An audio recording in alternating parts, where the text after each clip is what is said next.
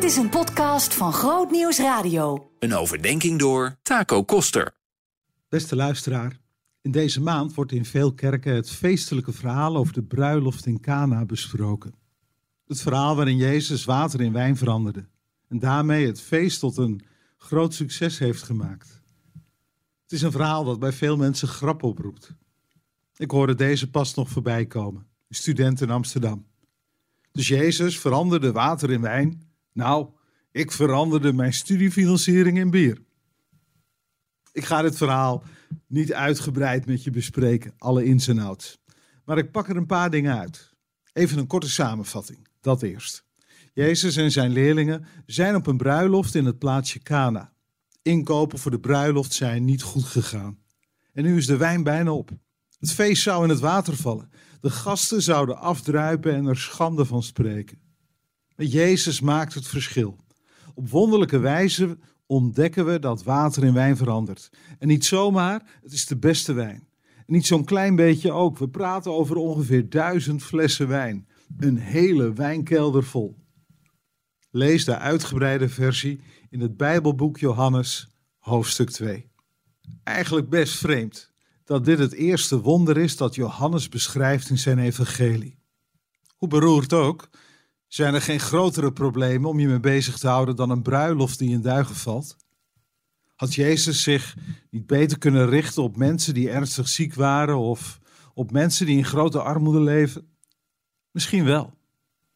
Hoe langer ik erover nadenk, hoe meer ik zelfs geneigd ben om die vraag bevestigend te beantwoorden.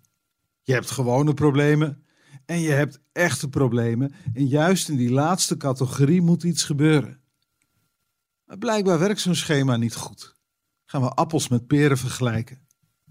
Ik leer ervan dat ik Jezus en dat ik God mag betrekken bij alles wat speelt in mijn leven. Ik hoef niet pas bij hem aan te kloppen als ik bij wijze van spreken op sterven lig. Dat is misschien ook wel de les die ik steeds weer moet leren. Het gewone alledaagse leven is voor God in tel en hij wil niets liever dan dat we hem daarbij betrekken. Dat brengt voor mij deze vraag met zich mee. Durf je het aan om God te betrekken bij je leven van alle dag? En dat gaat dus verder dan ziekte en onrecht. Het heeft te maken met je studie, je werk, je relaties, je agenda en je feestjes. Wat ik er ook uit wil pakken is dit. We komen de moeder van Jezus op het spoor, Maria. En ze gaat zich ermee bemoeien. En in haar bemoeizucht gaat ze indirect te werk. Hoe ik dat bedoel? Een voorbeeld. Mijn jongste dochter kon iets zeggen als: Pap, heeft u vrijdag wat te doen? En dan wist ik, ze vraagt eigenlijk iets anders. En dan zei ik: Wat is nou je echte vraag? En dan zei ze: Kan ik vrijdag de auto gebruiken? En zo vraagt Maria niet heel direct: Jezus, kun je helpen? Maar ze zegt indirect: De wijn is op. Jezus reageert vervolgens best scherp met haar. Wat bedoel je nou echt? En hij geeft een grens aan. Mijn tijd is nog niet gekomen. De verhoudingen zijn duidelijk. Maar meer en meer ben ik Maria op dit punt gaan waarderen.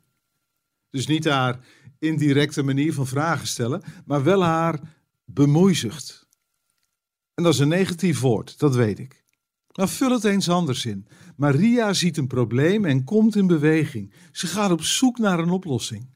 Hoe mooi is dat? Als je het zo formuleert, zou ik willen dat er veel meer bemoeizuchtige mensen zouden zijn. Betrokken mensen is dan een beter woord. In onze maatschappij zijn we er goed in geworden om een andere kant op te kijken. Zoek het maar uit met je eigen problemen. Spiegel je aan Maria. Straks meer.